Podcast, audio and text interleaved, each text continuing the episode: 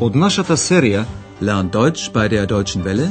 Учете германски со Deutsche Welle, чујте ја серијата Deutsch, warum nicht?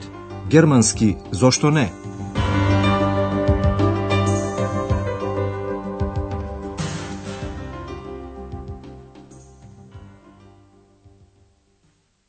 Liebe Hörerinnen und Hörer. Добар ден, почитувани слушателки и слушатели. Ја слушате 18-тата лекција под наслов Нема работи, нема багаж. Кајне захан, кајн гепек.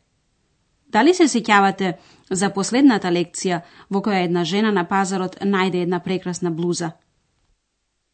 Ich finde die Bluse toll.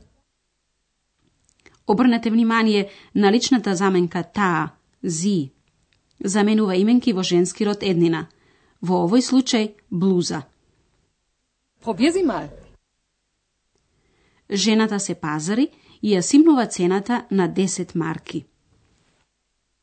Ich nehme sie. Für 10 Mark. Глаголот зема е глагол кој во германскиот има директен предмет, акузативна форма. Толку за граматиката од последната лекција. А сега да се вратиме на новата ситуација. За Андреас викендот заврши. Тој е дома и што туку појадуваше на брзина и сака да замине, фарен, во хотел Европа. Екс не е толку одушевен. Какво е расположението на двајцата? Ex, ich fahre jetzt. Kommst du? Ich habe keine Lust. Okay, du hast keine Lust und ich habe keine Zeit. Dann bleib zu Hause. Tschüss. Andreas, bitte warte doch. Ich komme ja.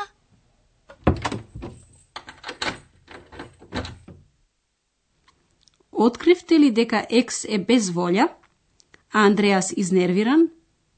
Андреас воопшто не е расположен за дискусија и му вели на Екс, ако не сака, може да остане дома. Разговорот почнува со тоа што Андреас му вели на Екс дека мора да оди на работа. Екс, јас сега заминувам. Ex, ich fahre jetzt. Бидејќи Екс воопшто не реагира, тој додава. Дали доаѓаш? Kommst du? Андреас забележа дека Екс нема волја, а овој и му го вели тоа. Немам волја. Андреас е нестрплив. Добро, ти немаш волја, а јас немам време. Okay, du hast keine Lust und ich habe keine Zeit. За да не губи време, Андреас едноставно му вели. Тогаш остани дома. Dann bleib zu Hause. Андреас знае дека Екс не сака ниту дома да остане. Во тоа е уверен, бидејќи Екс му вели. Андреас, почекај. Andreas, bitte warte doch. Екс продолжува. Доаѓам. Ich komme ja. И двајцата се на пат кон хотелот. Таму ги пречекува вознемирената Хана. Зошто е вознемирена Хана? Andreas, komm schnell! Was gibt's? Herr Meier ist weg. Was? Er hat nicht bezahlt. Komm schnell! Веројатно забележавте зошто е вознемирена Хана. Го нема господин Маер. Хана го моли Андреас. Андреас, дојди бргу. Andreas, komm schnell! Тој ја прашува Хана. Што има? Was gibt's? Хана го информира дека господин Маер го нема. Herr Meier ist weg. Дури сега открива зошто е вознемирена. Тој не плати. Er hat nicht bezahlt. Заедно со него се качуваат на први кат во собата на господин Маер. Собата е празна, меѓутоа, во неа има нешто останато. Што е тоа? Hier, das Zimmer ist leer. Keine Sachen mehr, kein Gepäck.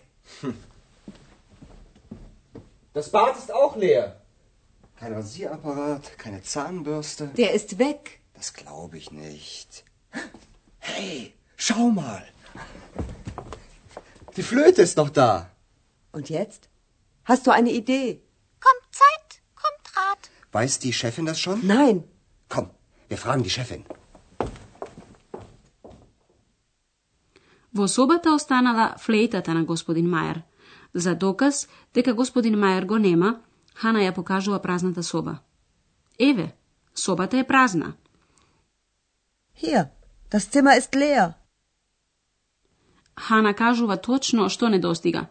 Нема работи, нема багаж. Keine Sachen mehr, kein Gepäck. Андреас лично контролира во бањата. И таа е празна. Нема машина за бричење, нема четка за заби.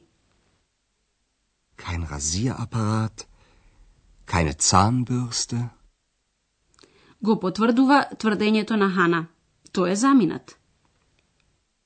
Der ist weg. Андреас не сака да поверува. Das glaub ich nicht. Тој ја наоѓа флейтата на господин Мајер и ја покажува триумфално, како да сака да каже дека пронашол некаков доказ. Hey, schau mal. Die Flöte ist noch da. Па, кој има право? Хана или Андреас? Хана несигурно прашува. А сега, имаш ли некоја идеја? Und jetzt? Hast du eine Idee? Пред Андреас да одговори, Екс мисли дека мора и тој да даде предлог во форма на поговорка. Ако се остави време, вели поговорката, ќе се најде и решение. Ако се има време, ќе се има и совет. Андреас одговара со не на прашањето на Хана и самиот прашува. Дали шефицата веќе знае? Weiß die Chefin das schon? Бидејќи Хана не знае, тој предлага. Дојди, ќе ја прашаме шефицата. Komm, wir fragen die Chefin.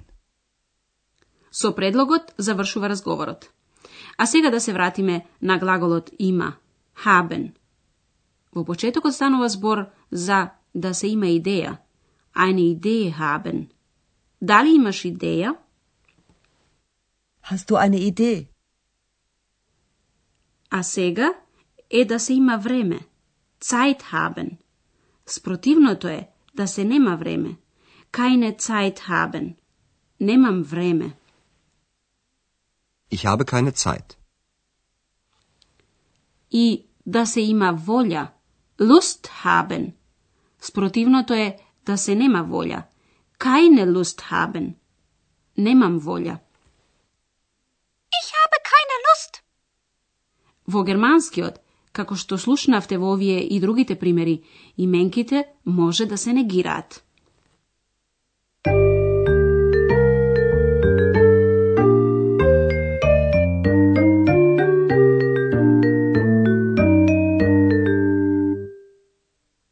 Именките се негираат со kein или keine. Формата е исто како и во неопределениот член. Ein, eine. Kein е за именки од машкирот во номинатив. Der Rasierapparat. Ein Rasierapparat. Kein Rasierapparat. Kein исто така важи и за среден род. Das Gepäck. Kein Gepäck. Keine е за именки од женски род. Die Zahnbürste. Eine Zahnbürste. Keine Zahnbürste. Keine исто така важи и за сите именки во множина. Die Sachen. Keine Sachen.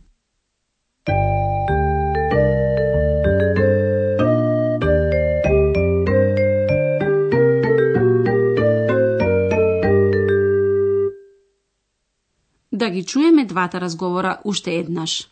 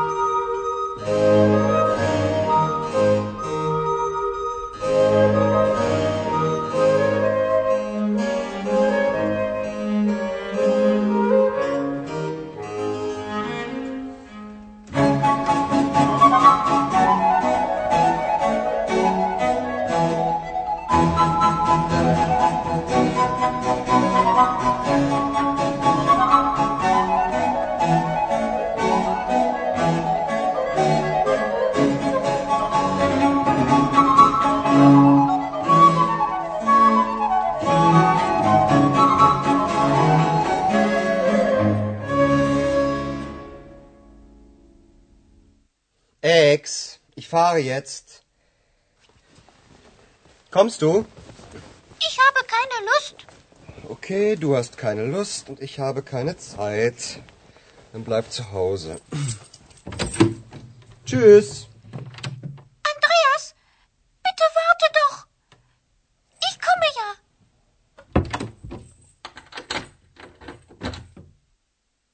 Кога Андреас дојде во хотелот, ја сретна вознемирената Хана.